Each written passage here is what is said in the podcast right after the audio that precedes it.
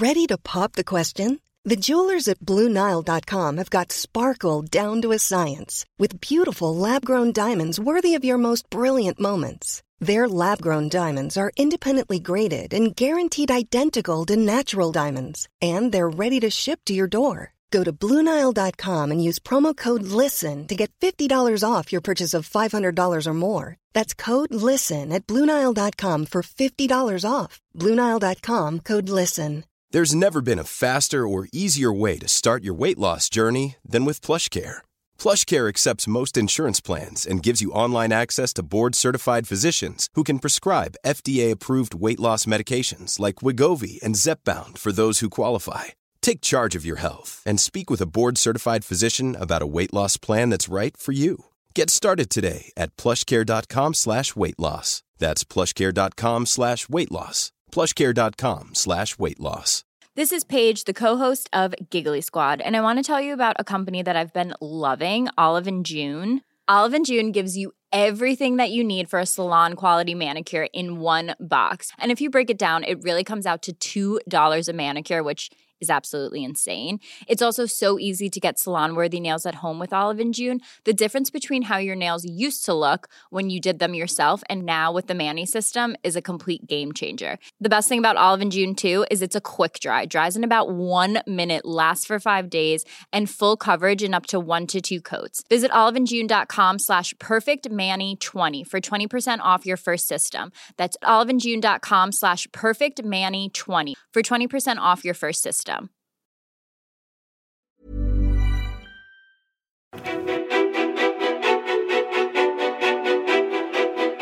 Petra Tungården har yrvädret som verkar vara överallt hela tiden. Hon är känd för att ha minst 100 000 bollar i luften samtidigt och för att alltid gå all in. Hon är modechef på Metro Mode, har skrivit krönikor för Cosmopolitan och varit med i flertalet tv-program. Hon skriver en av Sveriges absolut största bloggar, har nästan 100 000 följare på Instagram och ligger bakom sajten Metro Mode Home. Petra har haft en webb-tv-serie om sitt liv, designar en kollektion med träningskläder och lanserar sin egen podcast vilken dag som helst. Petra är känd för sin energi, kurviga kropp och förmåga att förvandla lägenheter från helt okej till rena drömboenden. Men Petra är inte bara ett blont bombnedslag med ett långt CV. Även hon känner av stressens baksidor och ordet hets förekommer ofta i hennes inlägg. Hon har sagt att hon får sluta fred med sin kropp, att hon varit känd som den blonda med stora bröst och hon har länge beskrivit sig själv som supersingel. Är det hållbart att ständigt leva livet i 150 knyck? Hur är det att bli så starkt förknippad med sin kropp som hon själv velat förändra? Varför var hon singel så länge? Vem är egentligen Petra Tungården? Jag önskar er varmt välkomna till podcasten Ofiltrerat med mig, Sofia Peterfia Sjöström. Jag vill inleda med frågan som jag ställer till alla gäster. Mm. Berätta om din verklighet. Om min verklighet. Jag tror att jag är ganska bra på att, eh, för de som läser bloggen, förmedla en del av min verklighet också. För att jag tror inte man tjänar på att ha massa filter eller ljuga om saker. Sen kanske man inte lägger upp en bild på typ sin tvättkorg när man ska tvätta. Jag tvättar nästan aldrig. Så att, men, eh, men jag tror att eh, man får nog se mycket av en själv i bloggen. Liksom. Ja. Också. Och hur skulle du säga att blogg-Petra skiljer sig från privata Petra? Jag vet inte. Jag tror inte... Det är självklart att man så här, har man bråkat med sin kille kanske man inte skriver det i, i bloggen. Ehm, men annars är jag nog ganska ofiltrerad i bloggen. Tror jag. Hur skulle du beskriva dig själv då? Eh, oj, jag tycker du var ganska, du hade en bra beskrivning. Jag eh, gör ofta eh, tusen grejer samtidigt. Alltså jag börjar tänka på, jag undrar på riktigt om jag har ADHD. För jag kan alltså sitta och skriva någonting, eh, en artikel. Och sen andra sekunden så bara, fan jag glömde svara på det här smset. Och så bara, nej just det, jag skulle tvätta. Och jag lägger tvätten och så bara, ah får jag inte betalt den här räkningen? Och så håller jag med, så min hjärna går liksom på högvarv hela tiden. Så du kan inte sortera Alltså, eller så göra väl- klart? Jag har väldigt svårt för att, jag, då måste jag verkligen bestämma mig. Och så, men så får jag alltså in, alltså fall hela tiden så vill jag att jag ska göra något annat. Men så, för mig är det liksom jobbigt att göra en sak i taget. Blir inte det ganska rörigt? Jo det blir jätterörigt. Men jag tror alltså på riktigt att jag har ADHD. Men jag tycker att energin ger mig mer än, eh, den ta, alltså, för att jag hinner med så jävla mycket mer än alla andra. Ja. Och jag är alltid liksom nästan pigg och glad. Men du säger att du på riktigt funderar på om du har ADHD. Är det någonting som har dykt upp eller att du har tänkt att det här måste jag kolla upp eller det här använder folk mot mig eller? Nej, alltså jag, för mig har det bara varit någonting positivt tror jag. Alltså att jag har den energin jag har. Och folk är så här, helvete kvinna kan du liksom, kan du dö någon gång? Alltså, kan du bli trött? Och jag säger, ah, vill göra nya grejer för att jag tycker att det är kul och för jag har den energin. Men jag har en annan tjejkompis som eh, precis får veta att hon har ADHD. Och vi är exakt likadana. Men hon började käka sin medicin och då blev hon helt avtrubbad och var liksom inte sig själv längre. Så nu har hon slutat med det. Men så att jag tror att det är farligt och liksom, ja hon kanske har fått fel medicinering. Det kanske hjälper också, jag vet inte. Jag kanske borde göra en utredning. Jag har ingen aning. Du säger att det är eh, väldigt positivt för du får den här sköna energin och kan göra otroligt mycket grejer. När jag skulle skriva det introt var det så här hon har många bollar i luften. Nej, det kändes, det kändes som en underdrift. Hon har tusen bollar, nej, hundratusen bollar i luften. Eh, men vad finns det för baksidor med hela det här energipåslaget? Alltså det är väl att man har ju väldigt svårt för att slappna av. Alltså mm, typ sista veckan på semestern. Då känner jag så här, eh, ett lugn liksom. Men jag har väldigt svårt för att, och det är ju nackdelen. Jag tror att, och jag är väl, verkligen en antingen eller människa. Så att jag är, jag gillar inte att göra någonting halvdant. Så antingen gör jag det och då kanske något annat eh, liksom eh, kommer åt sidan. Men eh, Ja, men det är väl, jag tror att det är att man har svårt att ta det lugnt. Liksom. Min kille bara, kan du snälla ligga still i soffan? Du vet, jag måste vrida mig hela tiden, jag måste göra någonting hela tiden. Så här är det. Jag har ju följt dig till och från under ganska många år. Eh, och känner till ganska mycket om dig. Men sen så började jag fundera lite grann inför det här. Vad är jag verkligen nyfiken med Petra? Eh, och så pratade jag lite grann med eh, våran eh, metromodechef Hanna till exempel. Ja. Och hon bara, men fråga lite grann, hon har ju fyra syskon. Jag bara, va? Har hon fyra? Jag trodde jag var påläst tre så. syskon. Vi är- ja, men vi är är fyra. fyra. Ja. Är, precis. Men Exakt. Kan du berätta lite om det? För att det var någonstans som jag var så här, det här känner jag inte till någonting om. Men ändå fyra syskon, det är en ganska stor familj. Många vi, barn. Ja, vi är en superstor familj. Och eh, vi växte upp i ett riktigt eh, Pippi Långstrump-hus ute i Nacka. Eh, som var hur stort som helst. Och du vet, alla hade alltid kompisar över. Och det var bara så här, alltså rena rama, alltså barnen i Bullerbyn. Och hela min familj är som, eh, ja men det är som Sunes Sommar. Alltså det är verkligen det kaoset liksom. Och, men jag har nog, det, jag tror att det är bra att ha många syskon för att man lär sig dela, man måste liksom respektera andra. Eh, så jag tror att det har varit väldigt bra. Men sen har jag varit, jag och min lilla syrra, som, hon som är precis under mig, Milo, hon är två år yngre. Så hon är, jag är 27 nu och hon är 25.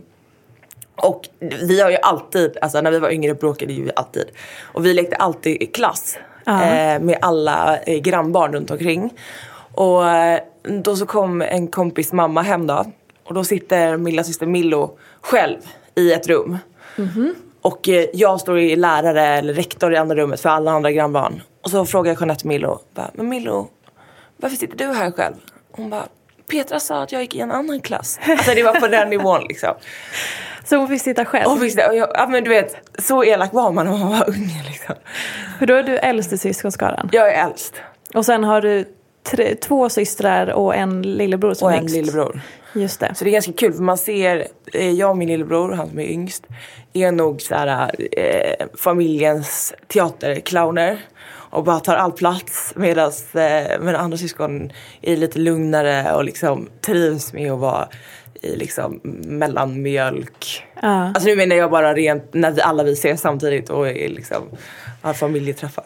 Tre systrar och en av dem, eh, alltså du Petra, är ju den som syns och hörs, är offentlig, får mycket uppmärksamhet, får mycket liksom cred och alla vet vem du är och så. Hur påverkar det era syskonrelationer? Jag tror inte... Alltså jag har nog alltid... Jag tror mycket tack vare min pappa. För han är en sån jävla teaterapa. Och hans högsta dröm var liksom att bli Dramatenskådis och älskar uppträda. Han klär alltid i transa. Alltså vet, han är väldigt trygg i sin personlighet. Liksom. Eh, och, och tycker ingenting är konstigt. Han, är, nu, han blev inte eh, teaterapa utan han blev gynekolog.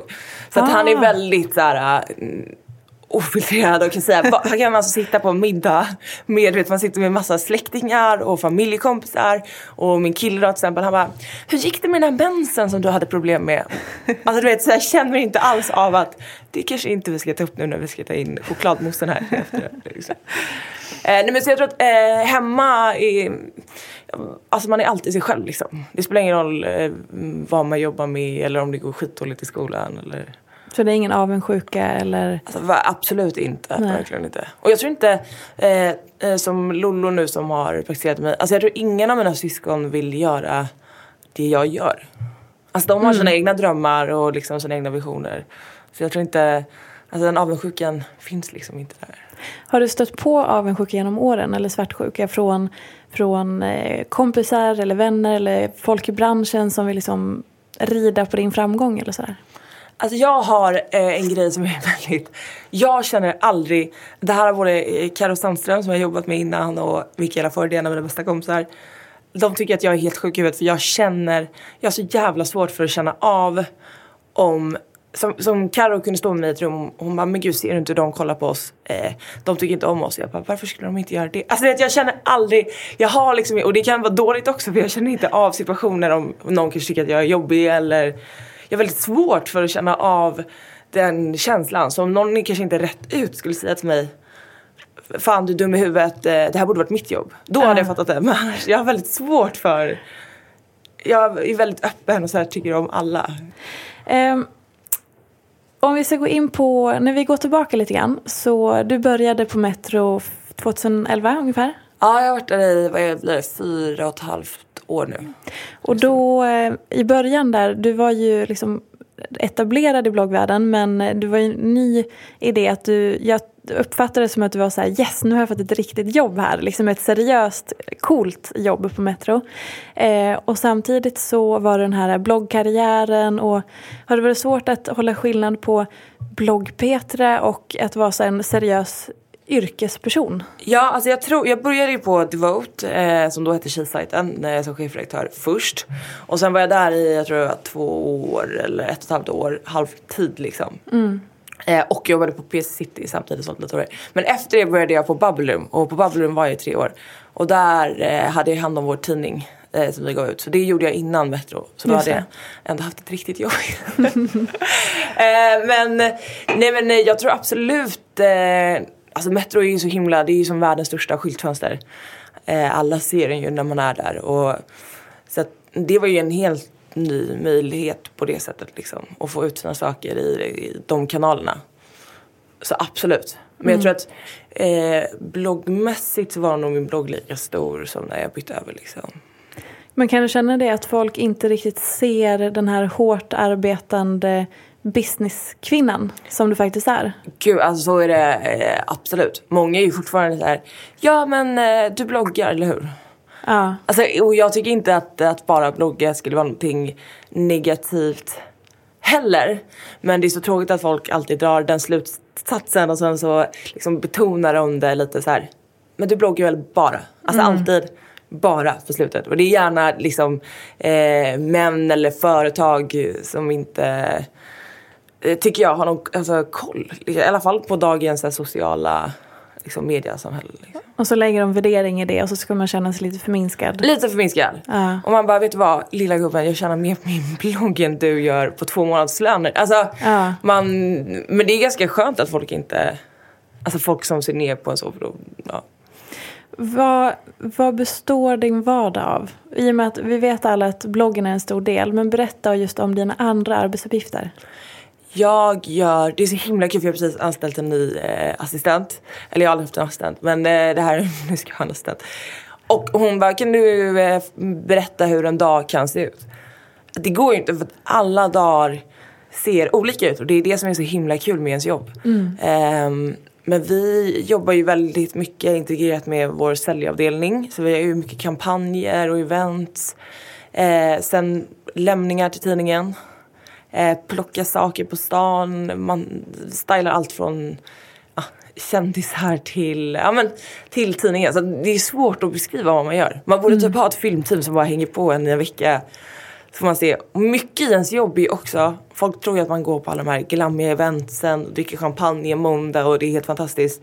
Men mycket av de här eventsen måste man ju faktiskt gå på. För Mm. att det är våra kunder som annonserar mycket i tidningen och som är viktiga för oss. Man måste visa att man liksom är där, ser deras saker. Eh, så det är också, det är också en baksida samtidigt som det är en lyx. För ibland vill man ju kanske bara gå och träna. Eh, man kanske inte vill dricka det här jävla champagneglaset, det måste man inte göra men man kanske bara vill ligga i soffan eller hinna vika in sina kläder som ligger på golvet. Ja, men så här, jag tror att det är, det är det som blir skillnaden ofta att de här vardagslyxgrejerna som folk ser som tråkiga. Som att ligga hemma och kolla på Idol en fredag. Det tycker man själv är så här, livets grej. Åh, det är så jävla härligt.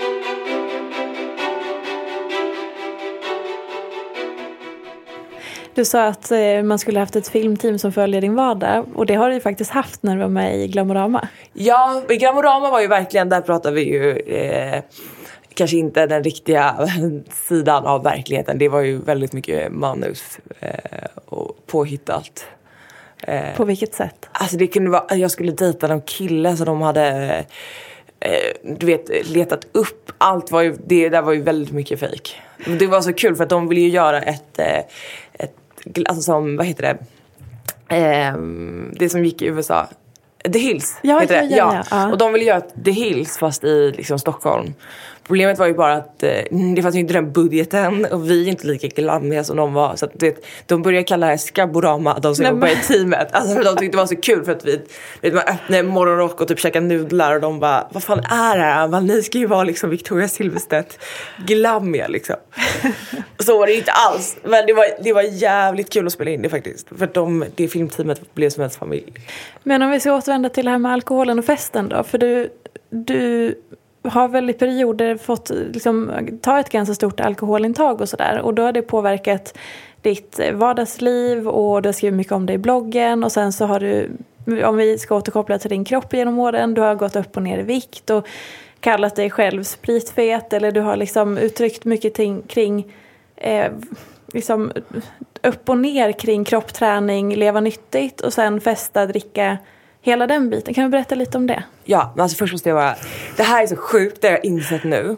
För jag har ju alltid pendlat i vikt och Ja. eh, när jag var yngre så var jag, du vet så här, jag såg lite som jag gjorde i morse, jag blir så jävla lätt vätskefylld. Alltså jag får, alltså typ som min förlovningsring nu, den är egentligen för stor. Igår alltså trillade den liksom av och idag när jag vaknar, jag är så jävla svullen för att jag typ, ja nu krökade jag i lördags och då blir jag alltså svinsvullen. Men det här, hela mitt liv har jag ätit hormoner eh, i, liksom, för att skydda mig själv. Och jag har verkligen insett det nu. Så när jag slutade med det så har jag inte... Innan pendlade jag i vikt hela tiden. Och det var för att jag bytte olika p-piller och höll på. Och sen när jag slutade med det så har jag faktiskt... Min, det är klart jag, eftersom jag blir så vätskefylld så kan jag ju pendla fem kilo bara jag får mens. Liksom. Men eh, det har verkligen hjälpt mig. Alltså nu går jag inte... All, annars kunde jag gå upp 10 kilo så. Alltså så fort jag började käka någonting. Och jag kopplade det liksom aldrig till att det kunde vara p-piller. Alltså jag hade en e-kupa förut i brösten och det är enbart på grund av alla hormoner jag fick i mig. Gud vad liksom. intressant. Ja, och jag har alltså provat allt och kollat upp det här och ja. Och det är ingen som har kunnat koppla ihop det åt dig tänker jag. Alltså någon från vården eller sådär. Jo, men då har de sagt det här, men, men prova det här. Som sist eh, så fick jag en, för då var jag eh, bara så less på allt och så eh, då fick jag något som heter p-ring eh, och det ska ju bara vara lokalt eh, med hormonerna. Och hon lovar mig när jag bara, jag orkar inte, jag vill inte gå upp i vikt igen. Jag vill inte ha, liksom, trött på bara, man känner sig så jävla ful när man är, man ser ut som Kim Kardashian nu när hon är gravid. Alltså man blir bara, men alltså det är så jobbigt, man blir vätskefylld liksom. Det är inte för att man blir tjock. Och då gick det bara en månad och så Alltså du vet, kände jag mina bröst bara så här. Alltså jag kommer ihåg att jag satt hemma och typ grät. Och jag bara, Va? Min kille bara, varför gråter du? Du har jättestora snygga bröst. Och jag bara, jag vill inte tjock, jag, jag orkar Alltså du vet så här. Och ja, för att jag de in- hade blivit större. Ja men alltså hela kroppen, du vet jag blir svullen liksom. Och så börjar jag läsa om det här. Och då står det att eh, en viss del av de som käkar det kan eh, hormonerna gå ut i liksom hela kroppen. Såklart att Ja. det skulle drabba dig igen då. Så jävla segt. Men eh, eh, apropå alkoholen. Jag, nu kommer jag inte ens ihåg vad frågan var. Eh, nej men just det här, du har ju varit mycket med träning, träning i perioder och äter väldigt nyttigt eller går på diet och sådär. Och sen så nästa så har det varit mycket fest och all in på det och då har du pendlat mycket vikt och så har du, benäm- du har skrivit väldigt mycket om dig i bloggen genom åren. Ja, alltså jag tycker det är så, jag älskar att träna. Eh, men jag tycker det är så svårt att hitta en bra balans liksom. Alltså nu har jag hittat ett gym som jag gillar och jag trivs verkligen med den träningsformen. Så nu går man ju för att man tycker att det är så jävla kul. Eh, men just med mat tycker jag är jag tycker det är så jävla svårt för att ena, mm, på helgen kan man ju bara smälla en as eh, sjuk brunch. Och med bara så här Bloody Marys, eh, onyttigt och sen på måndagen sitter man och äter salmalax. Ja. Men eh, jag vet inte, alltså jag tror att det är så jag är i hela livet i övrigt. Så jag nog... Eh, och jag tror att i början när jag var yngre så tänkte jag nog väldigt mycket på, eh, jag nog tänka mycket på vad jag åt liksom. Men eh, idag så brukar jag äta ganska nyttigt i veckorna och så unnar jag mig mer liksom på helgerna. Hur, hur har du hanterat att, att bli eh, igenkänd för, för din kropp? Du har skrivit någon gång om att du har blivit, i- så här, ditt, namn, ditt smeknamn var ja, men hon den blonda med stora bröst eller ja, men kurvorna är min, det är tack vare dem jag lyckas för, eller liksom med det. Alltså mina bröst var ju enorma förut. Alltså det var sinnessjukt. Alltså när jag Ja. käkar de här jävla p-pillerna. Jag ska visa en bild för dig sen. När jag står bredvid Bingo mer också. Utan bh i en klänning. Och det ser ut som att alltså mina bröst ska, de ska se ut att sprängas. Alltså det är så här klot liksom. Och det är så sjukt att det kan bli så bara av, eh, ja det måste ju varit hormoner för nu är de ju inte alls, nu är de ju jävligt trötta efter att de var så stora förut. Eh, men det här med alkohol. Eh, Ja, jag vet faktiskt inte vad man ska göra för att hitta en bra balans. Det är så jävla lätt att man bara, du vet under sommaren, då vill man ju bara käka gott och äta gott och bara tappa träningen helt liksom. Ja, nej, men det är, inte- och det är väldigt svårt och speciellt idag eh, när all, man får höra från alla olika håll att så här, gör så här, tänk så här, jag gjorde det här och det är succé och hej och hå. Liksom, det går ju, man påverkas ju av det på olika sätt. Ja, men det här med att vara kurvig har ju, alltså jag tycker ju att det är så, hur många människor är det som är kurviga? Liksom? Alltså, det är inte så många procent som har en timglasfigur. Och när jag var yngre så blev jag så här, men, du vet alla hade så här skinny jeans och var, och då tyckte jag att det var skitjobbigt att jag hade så jävla stor röv. Men idag är jag ju bara tacksam för att jag har de kurvorna jag har för att det är unikt och mer ovanligt än för alla kan ju bli smala liksom. Men det har inte alltid varit så, du har inte alltid varit så accepterande mot din kropp. Nej men jag tror när jag var yngre så ville man ju se ut som alla smala modeller och se ut som alla andra liksom. Men jag tror att eh, jag insåg, det var någon, när jag skulle skriva en krönika till Cosmopolitan eh, så, så skulle jag skriva, för jag hade pratat med chefredaktören och hon bara, men, hon bara du som har sån jävla snygg kropp, hon bara kan du inte skriva något peppande om det? Och då var det egentligen en sex, eller en sex, en text om sex var det. Ja. Eh, och hur så många är, du vet, ska slicka lampan och så ska de krypa ner under täcket och så ska man inte vi- se någonting. Medan jag alltid varit väldigt, alltså även om jag kanske inte alltid har varit i fred med min kropp så har jag alltid varit väldigt bekväm naken. Det låter kanske lite motsägelsefullt. men men jag väldigt- älskar typ att gå ut naken. Det är det bästa. Alltså min kille är så här. "Åh, för att vi bor i ett hörnhus så att man ser liksom in till vår lägenhet från alla håll. Och det, han tydligen så bor eh, hans eh, chef på andra sidan gatan en trappa upp. Och då har han, man ser ju tydligen rakt in. Och jag går alltid naken. Han bara, kan du snälla bara skyl dig kvinna. Nu har jag köpt bottenplan i vår nya lägenhet. Oj. Och du vet han är inne på att vi ska ha frostade glas. Jag bara, aldrig i livet. Jag är så jävla ful. Snälla lova att du inte går naken dagtid. Du kanske får välja dina platser där du går naken. Men jag tror, att det, jag tror att det är väldigt viktigt att, och det är, jag har så föreläst mycket om hur man ska klä sig och klä sig rätt för sin kropp. Och jag tror att det är så jävla många som hela tiden är så här, om fem kilo, då ska jag unna mig själv. Då ska, då ska jag köpa den här fina klänningen. Då ska jag göra det. Och jag tror att då är man helt fel i sitt state of mind. Självklart kan man vilja gå ner några kilon eller gå upp några kilon.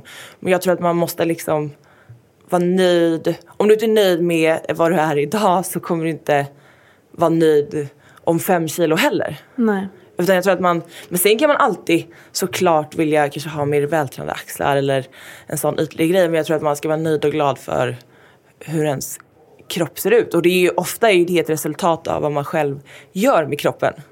Så att jag tycker att mm, när man var yngre och man såhär, åh varför ser min kropp ut så här? Mm, Då antingen får man göra någonting åt det men man ska inte straffa den. Nej. Och det tror jag många gör liksom. Men hur blir man kompis med sin kropp då?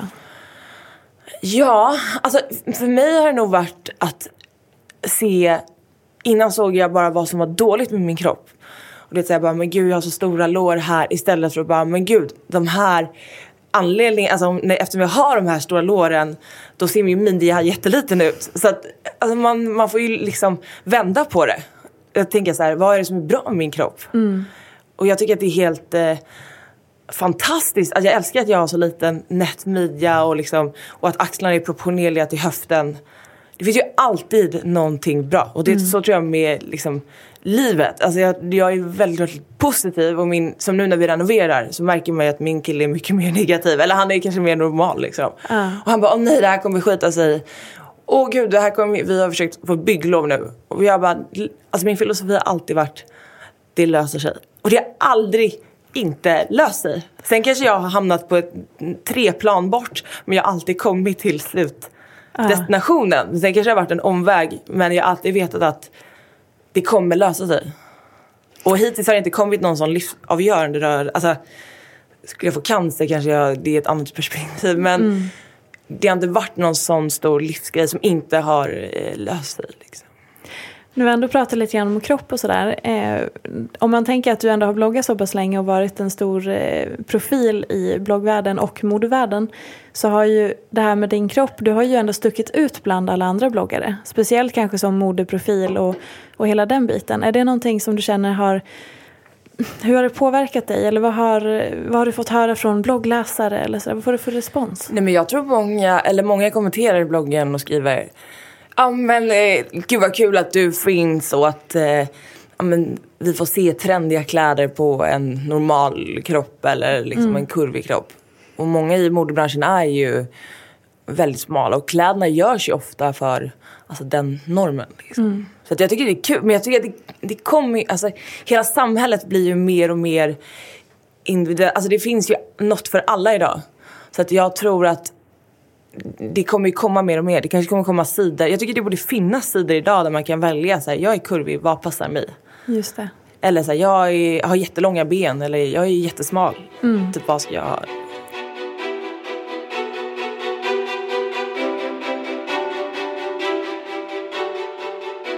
Hur, har du några datingtips då? Jag tror att eh, nummer ett är att man alltid ska vara sig själv.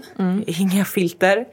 Eh, och sen, sen ska, tycker jag man inte ska tänka, alltså första dejten är, det är som att träffa en ny människa. Det handlar inte om, alltså jag tror inte man ska känna efter så här, hur känner jag, är det kärlek? Tänk på att du ska lära känna någon ny. Lägg liksom inte för stor press på dig själv. Och gör, ett skitbra tips är att när man är på väg till dejten så ska man prata med sin bästa kompis och liksom prata om någonting kul som gör en peppad. Så att när du kommer in så har du liksom bara leende på läpparna och är i rätt liksom mode. Just det. Och liksom prata med någon så att du är avslappnad när du kommer in. Ja, det tror jag är sjukt bra. Det, de tipsen kan man egentligen ta med sig i karriär och jobb också. Just om man ska in på ett viktigt möte man, eller någonting som gör att man är sjukt nervös och man känner att man ska prestera så får den här positiva energin innan. Ja, och sen tror jag mycket att man ska inte lägga så stor vikt vid vem man pratar med. Det är klart att man vill imponera på vdn eller men om man ser den här personen som så här ouppnåelig och liksom att man inte är på samma nivå då tror jag också, redan där blir det ju en barriär. Så att jag tror att, att riva barriärer är väldigt bra. Um, någonting som många känner igen dig på det är ju att du blir otroligt bra på bild. Eh, du är ju typ mästare på att posera, alltså att få framhäva dina mest fina sidor. Både liksom, eh, ja, men på bilder och i rörligt och sådär. Hur blir du så bra på bild? Jag tror att det är samma sak där. Alltså allt handlar ju bara om att vara naturlig. Så fort du börjar spänna dig eller göra någon konstig min och det, är- det är därför jag tror att många inte blir bra på bild för att de blir obekväma. Ja. Och bara du slappnar av och liksom och du måste ju ha någonting i blicken. Det spelar ingen roll hur snygg du är. Om du inte har liksom glimten i ögonen då kommer du aldrig bli bra på ett foto. Liksom.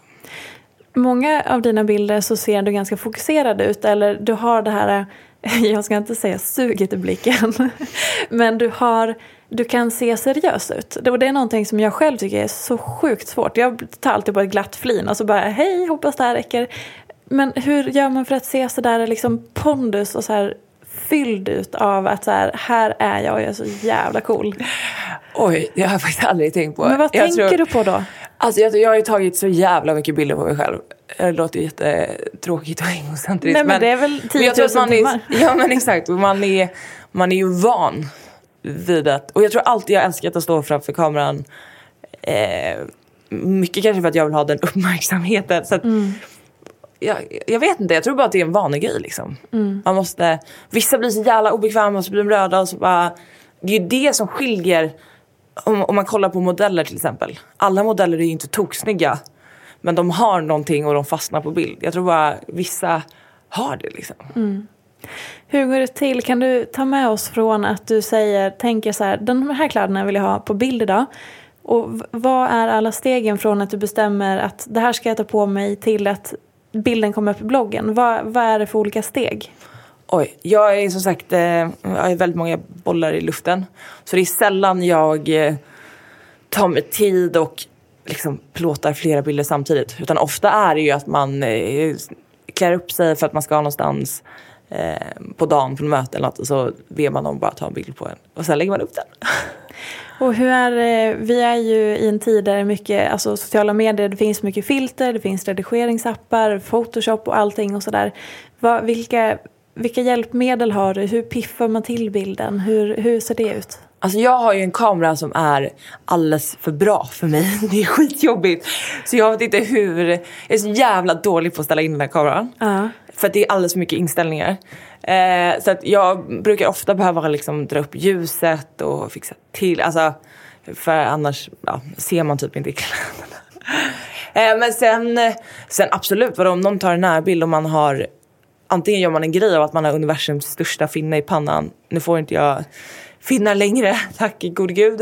Eh, men eh, absolut, sådana grejer det kan jag absolut fixa. Om tiden, allt är liksom i mån av tid. Och vad fixar du då?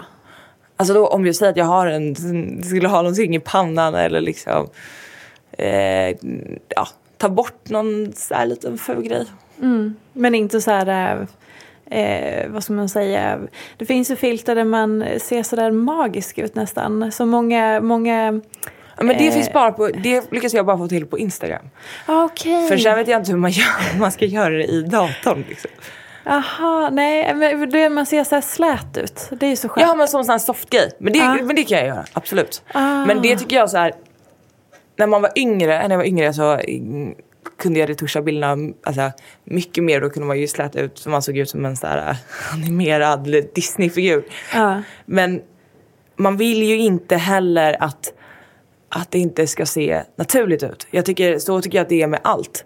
Om man vill eh, operera någonting eller vad fan man nu vill göra. Mm, alltså länge man håller sig till att det ändå skulle kunna vara så eller att det är naturligt så, så tycker jag att det är okej. Men det, jag tycker att man ser ju direkt när någon har överretuschat en bild. Och, och då tycker jag att man istället ser ner på den bilden. Eller, Förstår jag vad jag menar? Att man tänker så här, varför... Det finns så, vi har så jävla mycket snygga tjejer i vårt land som... Och nu säger inte jag att jag inte heller... Jag retuschar ju bilder men, men till en viss... Till en lagom gräns. För att man vill ju fortfarande att man ska se att, att det är en själv. Vad brukar du få kritik för i, bland eh, bloggläsare och så? Ehm, vad fan brukar jag få kritik för? Att jag kanske säger att jag ska lägga upp någonting och så gör jag inte det. Ehm, för att man liksom glömmer av det eller har mycket att göra. Vad fan kan det mer vara? Eh, ja men det skulle vara om jag kan säga att jag står, det här var mer förr när jag vägde lite mer liksom. Men då kunde man, om man stod på ett visst sätt så här, för att armen skulle se smalare ut. Så kunde folk bara, "Mm, varför står du så för att armen ska se smalare ut? Jag bara, för att om jag inte står så, eller om jag inte hade stått så, och stått med armen hade bara folk istället kommenterat, gud vilken tjock arm du har. Alltså, så, så var det mer mm, i bloggen förr. Liksom. Känner du att du får eh, så att läsarna styr dig genom att eh, berätta för dig det de tycker är rätt och fel så att du någonstans mer eller mindre omedvetet anpassar dig efter feedbacken du får? Alltså idag, i dagsläget är jag faktiskt... Eh, jag får inte alltså, mycket negativa kommentarer idag. Mm. Men förut när man vägde mer så kunde ju folk... Alltså, det är så konstigt. Just tjejer också. Alltså tjejer mm. och vikt. Jag förstår inte vad grejen är. Och jag antar att de som sitter och kommenterar antagligen Ja, jag vet inte, det spelar i och för sig ingen roll vad de väger. Men, men det är en sån konstig grej tycker jag att hänga upp sig vid. Och folk blir liksom besatta. Alltså just av, och så när jag vägde mer då var det liksom hälften, det var som två lag. Hälften kommenterade och bara Åh det är så härligt att du är liksom stor. Eh, och sen så andra bara, men gud du är tjock, du måste banta, kolla när du står bredvid Forni till exempel. Uh. Och sen när man väl, alltså när jag slutade med de här p-pillerna och liksom tränade ganska mycket. Då började folk kommentera bara, men gud du har blivit alldeles för vältränad och smal, nu ser du ut som alla andra. Alltså det finns ju aldrig, du kommer aldrig någonsin kunna liksom passa in i folks fack för att alla har ju, sätter ju olika fack. Så mm. det spelar ingen roll hur mycket du vrider och vänder på dig själv för att du liksom in, alla kommer aldrig vara nöjda samtidigt. Och jag tror att det, det, liksom, det är det också, när man slutar fred med sig själv så måste man ju, vem, liksom, vem är min kropp för? Mm. Är den för mig eller är den för människor jag inte känner? Mm. Det är mm. helt orimligt. Varför ska jag liksom, ja, ha en viss vikt för att folk tycker det? Är det någon gång som du har fått någonting, någon eh, kritik eller feedback eller något elakt påhopp som du känner att det här gjorde faktiskt illa mig, det här blev jag illa berörd av eller ledsen av eller så? Men så kunde det ju vara förr när man var eh, lite större och, och, folk kunde skriva men sådana elaka grejer som man bara, vem fan skriver så liksom? Man mm. undrar ju vad det är för ond människa som sitter bakom och bara din jävla tjockis, typ så här, du borde inte ha en blogg, hur fan kan du ha på den här klänningen, det ser ut som du har bilvalkar. Och så har du haft en sån här skitdag på jobbet till mm. exempel och så kommer du hem så möts av den. Man är inte assugen på att äta middag då. Alltså, det, och jag tog ju åt mig mycket mer eh, förut liksom. Men tills jag insåg att jag bara, det spelar ingen roll vad jag gör. Men kände du då att, som du sa, att om du fick det där elaka och någon sa att du var tjock eller stor eller de hackade på dig, kände du då att du ville göra en åtgärd att nej men då vill inte jag äta eller nu måste jag börja träna mer eller så att, alltså... Så var det ju förut. Då ja. kunde man ju känna så här okej okay, men eh, ja, jag kanske är tjock då. Alltså, mm. För att man fick det liksom kastat i ansiktet hela tiden. Tills jag insåg att det spelar ingen roll och det var väl i samma veva som jag, då gick jag ner ganska mycket vikt och då, det var väl i samma veva som det och jag insåg att jag var varför håller jag på att anpassa mig efter andra människor? Det kommer inte spela någon roll vad jag gör, folk kommer ju ändå liksom ha sina åsikter. Mm. Och det är lite det man får, folk är såhär, men sluta blogga då. Men det får man ju ta lite med offentligheten. Mm. Att folk kommer tycka till. Och idag så är jag ju glad att jag eh, fortsatte för jag tror att många människor har också uppskattat, som kanske har varit i samma situation som mig eller som kanske är kurviga. Jag tror att de har uppskattat att man liksom är nöjd med sig själv och liksom hela den biten. Mm. Känner du att du har ett ansvar som bloggare? Många vill ju sätta en i förebildsrollen. Eh, och så. Men känner, tänker du till eh, innan du ska publicera inlägg eller innan du uttrycker åsikter? Eller hur, hur ser du på det här med att vara ansvar eller vara förebild eller så?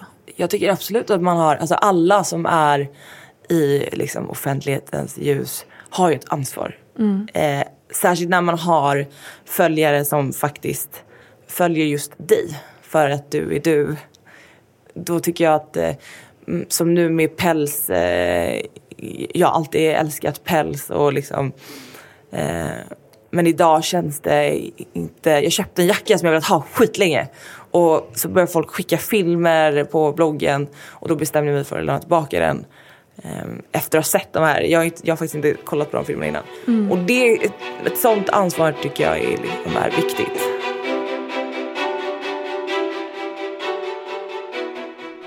Om vi ska prata lite grann kring, eh, kring stress och hur det påverkar dig. Eh, du har ju ett otroligt högt tempo och gör många olika saker. Eh, ibland så skriver du ju att du blir som mest kreativ på natten. Eh, då tänker man hur påverkar det sömnen och hur, hur känner du själv att så här, det, här, det här håller? Jag, jag kan leva så här länge eller hur får du, hur får du det att gå ihop? Alltså, märker du av att stressen påverkar dig? Alltså jag har ju varit, eh, som nu i början på hösten är typ vår värsta period. Eh, då har jag varit extremt stressad. Jag hatar när man känner att man inte hinner med och man hela tiden glömmer något för att man har för mycket att göra. Mm. Eh, och som du säger, jag gör så himla mycket olika grejer. Så att det är svårt ibland att få ihop liksom hela pusslet. Eh, men nu har jag som sagt eh, anställt en assistent eh, som ska avlasta mig. Så att jag tror att jag liksom... Det är, alltså jag har varit så jävla stressad och jag märkte själv, man mår ju inte bra av att, att stressa så mycket. Särskilt nu när man, innan när man var singel, då kunde man ju sitta uppe hela nätterna eller man kunde eh, sitta en hel kväll och jobba. Men det kan man ju inte göra nu. Nej. Hur känner du av att stressen påverkar dig då? På vilket sätt? Um, jag, kan, jag får, alltså, eftersom jag har mycket i huvudet hela tiden så får jag, jag kan få liksom, kortslutning i hjärnan. Mm. Alltså när det bara så här, det, det, är så mycket tankar så att jag kan liksom inte sortera. Och så, och så känner jag av det för att man, jag hela, som jag sa, jag glömmer saker hela tiden. Och bara, ja. Så det är skitjobbigt. Så att eh, jag ska försöka stressa mindre. Känner du av några fysiska, någonting från kroppen? För ibland kan ju den också säga ifrån och börja så här, magen börjar krångla eller att man känner att man blir väldigt trött och orkar inte eh, engagera sig eller sådär. Alltså jag har alltid haft en eh, problemmage så jag vet inte om... Det är säkert kopplat till stress också. Mm. Eh, men det är väl att man kan bli så trött som man bara så här... För jag blir ju nästan aldrig... Jag kan liksom få en kollaps. Att jag, bara, jag kan typ inte resa mig i soffan. Alltså jag blir alltså jättetrött. Mm. Men... Eh, men inget så att jag skulle tappa hår eller något sånt. Sjukt, liksom. Har du känt någon gång att så här, det här är liksom lite grann på gränsen till att du börjar må dåligt av att det är för mycket att göra eller för mycket stress? Ja, eh, för två år sedan så stylade jag eh, Mello mm. eh, och stylade Dina Travi och var med på alla, liksom åkte runt på allt och så stylade jag Marie Serneholt till eh, två program samtidigt och gjorde Metro heltid. Och, och då var det, alltså då kommer jag ihåg, då somnade jag en gång på kontoret, alltså typ sittande. Så bara, och då var jag bara så här, alltså så jävla sönderstressad. Och då mm. var det verkligen för mycket. Liksom. Men det är så svårt när man är inne i hjulet. Det är så lätt att bara mala på och bara verkligen. köra liksom.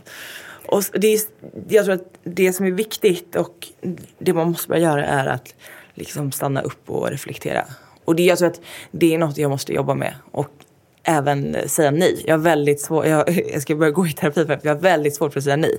Och jag vill alltid eh, vara liksom andra, till, alltså särskilt när det gäller jobbgrejer. Att man liksom anstränger sig lite mer och vara andra till lag. Så liksom hjälper folk hela tiden i, och väldigt mycket sånt är det i ens jobb. Vi har så himla mycket säljgrejer och man vill att det ska gå bra för alla så man måste hjälpa till. Och, liksom. mm. Du ska börja gå i terapi. Ja, jag tänkte det. Vad spännande. Ja. Är det första gången? Ja, jag har aldrig gått i, Jag har faktiskt varit hos eh, Filippa eh, Salmonsson, mm. så, ja. eh, som är världens underbaraste. Eh, henne har jag gått till några gånger, fem gånger. Men det, det är lite mer andligt, inte terapi på det sättet liksom. Har du några förväntningar eller tankar kring... Jag själv tycker terapi är helt fantastiskt. Det har hjälpt mig jättemycket. Jag tycker att det är så himla bra. Alltså jag har ingen, alltså min, en av mina bästa kompisar är det som har tipsat om, för hon går till den här tjejen. Så ja. jag messade henne faktiskt för eh, två månader sedan och hon bara det är fullt. Eh, hon bara men hör av dig igen i början på december. Så jag ska höra av mig till henne då. Men jag tror att det är bra. Alltså, jag tror alla borde gå i terapi. Men folk är så rädda för att gå i terapi. Ja, det man, fast varför är man det? Vet, för att man ska riva upp skal som man liksom inte... Ja, eller att man kanske känner att man måste blotta sig själv eller man tappar kontrollen eller... Jag är väldigt lätt för det. Jag kan bara släppa allt uh. så liksom. Och eh, hänge mig. Det har inga, alltså, jag, jag märkte det, jag var på yogaresa. Jag har väldigt svårt för yoga just för att jag tycker att allt går så långsamt.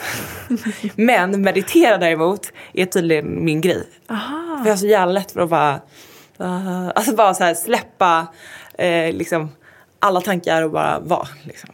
Men då ska du framförallt gå i terapi för att lära sig nej? Ja, alltså alla har ju massa saker som man liksom sitter inne på. Men jag har alltså, väldigt svårt för att säga nej och liksom har lätt för att men, göra saker för andra människor när jag egentligen inte vill. Liksom. Och så påverkar dig negativt i slutändan. Exakt. För att eh, man kanske inte har tid med annat och bara, jag vet inte. Liksom, jag, är väldigt, jag tror att min mamma är väldigt konflikträdd. Eh, alltså extremt konflikträdd. Eh, så att jag tror att jag har nog ärvt eh, mycket av henne. Liksom. Så du skulle säga att du också är konflikträdd egentligen? Alltså jag verk, alltså förut var jag jättekonflikträdd. Och jag har alltid haft kompisar som är väldigt eh, starka på det sättet och typ inte söker bråk men som har varit väldigt bestämda. Och då är det väldigt lätt för mig att bara bli den som okej, ja, vi gör så. Eh, inte mesig men bara att jag inte, liksom inte orkar ta konflikter. Jag, gillar, jag har aldrig gillat att bråka. Jag tycker liksom inte... Sen är det ju viktigt att bråka ibland också. Men jag har aldrig bråkat för bråkandets skull. Liksom. Hur eh, hanterade ni konflikter hemma i familjen då? Vi- Med tanke det- på att mamma var konflikträdd och så. Alltså mina föräldrar skilde sig för, eh, vad fan är det nu, fem år sedan. Eh, och jag tror att anledningen till att de skilde sig var för att de aldrig hade några konflikter. Jaha. Eh, så att de, jag tror att min pappa har alltid varit bra på att säga till och ganska hård. Liksom. Men min mamma kan absolut inte säga till om Nej. någonting. Eh, så jag tror att när de skilde sig, då utbröt världens bråk. Och då, de är fortfarande inte sams, de pratar inte med varandra.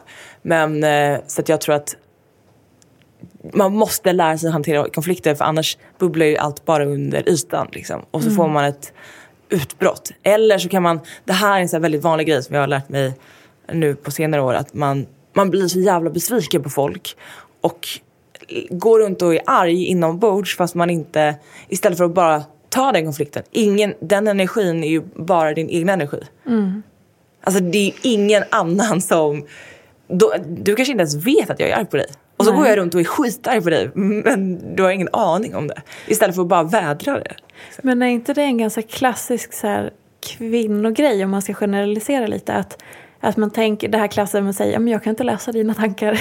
Att, för jag tror inte vi får lära oss att hantera konflikter eller åsikter. Vi ska vara de här tysta, små gulliga och söta och inte säga, tycka, tänka. Hur ska man Ja. lära sig då liksom? Nej men exakt. Och jag tror att när man... Vad jag kan känna är så här, säg att eh, när jag var yngre då och kanske inte kunde ta... Som när jag och Mikaela Forni, vi bodde tillsammans. Vi är extremt, alltså vi är bästa kompisar, vi är extremt olika. Eh, och då kunde jag kanske vara sur för att hon eh, skällde ut mig för att jag inte städade, alltså någon sån grej. Och då istället för att liksom ta det tillbaka med en direkt så kunde jag gå och vara så här du vet, gå runt och vara sur på henne. Och så kanske kunde jag prata med en annan av våra bästa kompisar och säga så här, ja men jag är så sur på Mikaela. Så sitter vi liksom och diskuterar det. Istället för att bara säga till henne att jag är sur på henne. Alltså det är bara så här små grejer som man bara... Man gick så jävla mycket omvägar förut och det tog så jäkla... Allt som tar ens energi negativt. Alltså jag tror väldigt mycket på eh, energier och liksom... Och negativ energi. Det, jag tror att det är därför mitt motto är också att allt löser sig för att man inte... Jag tror inte man ska ha saker inom sig liksom. Nej. Jag känner igen mig väldigt mycket i det du säger. För jag har varit med om ungefär samma sak. Eller så här, vi hanterade inte konflikter så mycket hemma. Och eh, en, några familjemedlemmar är ganska konflikträdda. Så jag har också känt att jag har varit det hela livet. Och sen har jag fått arbeta på det aktivt. Att bli mer så här, nej men okej. Bara för att den uttrycker den åsikten så betyder det inte att den hatar mig nu. Och det är inte farligt att vi bråkar eller osams eller tycker olika. Utan det kan till och med vara bra och vi kan komma närmare varandra av det. Istället för den här tysta, eh, tysta liksom, eh, man, Ja, ja. Så här, man säger inte men man tycker och tänker och känner olika saker och sådär.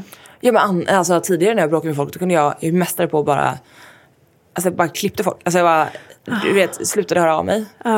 Eh, svarade inte på sms. Alltså- Klassisk utfrysning nästan. Alltså utfrysning, deny. Ja. Alltså, mm, för att jag var så jävla arg. Istället för att bara ta hela grejen. Liksom. Hur hanterar du det nu då? Vad är det som skiljer sig åt? Alltså, nu har jag ju, alltså, jag har ju verkligen, alltså, nu har inte jag gått terapi långt, men jag har jobbat själv på att ta konflikter och faktiskt våga säga det jag tycker. Och är jag ledsen eller är jag arg, mm, då säger jag det idag. Men sen så är det ju, alltså, det är fortfarande tillfällen när jag kanske inte gör det och liksom får komma tillbaka sen och liksom säga det. Men jag har ändå liksom tagit några steg på vägen, känns det som. Hur är din kille Marcus då? För att jag själv kan vara sådär att min sambo han är helt tvärt emot mig. Han ber inte om ursäkt för sin existens och han är rakt på sak och han lindar inte in någonting. Samtidigt som att det är ju väldigt skönt för man vet alltid vad man har honom. Mm. Hur kan du känna att, att din relation har hjälpt dig i det här? Ja, alltså jag tror han är mm, väldigt som din kille. Mm. Säger vad han tycker och är så rakt på sak. Medan jag är väl den som kanske inte alltid, som jag sa då, jag måste ju jobba mer på det. Eh, så att, men det är bra, alltså jag tror att man, man hela tiden måste säga vad man tycker för annars går man ju runt och är, är ledsen över saker. Mm. Så att jag tror att i vår relation så är det ju bara jag som behöver jobba på det. Mm. liksom. Han kanske har andra saker han behöver ja, lära sig av dig. Exakt. um, men jag tror att det är lätt om man är så hård, alltså som, som din kille och min kille till exempel jag är väldigt bra på att säga förlåt. Jag kan säga förlåt innan jag ens har gjort någonting fel. Alltså mm. helt dum i huvudet. Man bara... Och du vet, kan jag komma på jag bara va? Varför, varför blir jag... För att jag vill att det ska vara bra stämning. Eller så här, jag vill att... Jag gillar ju som sagt inte bråk på det sättet. Så ibland kan jag komma på mig själv. Och då är det lätt att man alltid blir den personen som ska säga förlåt. Mm. Så det är inte heller bra. Vi pratade om det faktiskt senast igår. Att jag bara du måste säga förlåt oftare. Mm. Bara för att man, men det kanske är för att man själv säger förlåt för ofta. Liksom. Men kan du känna att du ger så mycket av dig själv Eh, till alla människor på olika nivåer? Både att du pratar med människor i ICA-kön och liksom ger energi på det sättet och att du lätt blir så här, nej, nej, men jag vill inte bråka, du har rätt, jag har fel, så, så, så. Och att du ger hela tiden väldigt mycket av dig själv och att du kanske inte alltid får tillbaka det eller att det blir att du ger för mycket av dig själv till människor. Eh, jag och min kompis pratade faktiskt om det här i vår podd i förra veckan. Men eh, att, och det som är farligt då när man ger mycket är att man hela tiden vill ha mycket tillbaka. Mm. Jag vet inte om jag, alltså, jag tror inte jag tänker att jag ska få tillbaka men du vet ibland när man har fixat massa saker för en kompis eller vad som helst och så liksom får man, alltså så är det som att man inte, man får ingenting alls tillbaka. Så det tror jag också är farligt för ibland kanske folk kanske inte ens vill att man ska ge sådär mycket. Eller förstår du vad jag menar? Mm, mm. Också. Mm. Eh, men jag vet, nej, alltså jag tror, alltså människor, jag tror får man mycket energi så ger man automatiskt mycket energi tillbaka. Liksom. Mm. Jag tror det. Man kan ju hoppas det i alla fall. Sen ibland så kan man ju knacka på vissa nötter och så bara hallå släpp in mig men det händer ingenting. Nej, liksom. nej. Man får ingenting tillbaka. Det är som att prata med en stenvägg. Ja, verkligen. Eh, vi måste tyvärr avrunda, vilket är jättetråkigt. Men eh, det är så spännande att prata med dig om allt det här och få lära känna dig bättre. Ja, men detsamma. Och eh, ni hittar då Petra på petra.metromode.se. Yes. Och Petra Tungården på Instagram. Eller Tungarden. Tungarden. Precis. Flott. Eller hur? Och mig hittar ni på ptfia.se. Tack så jättemycket för att du var med. Tack för att jag fick komma. Tack. Hej hej.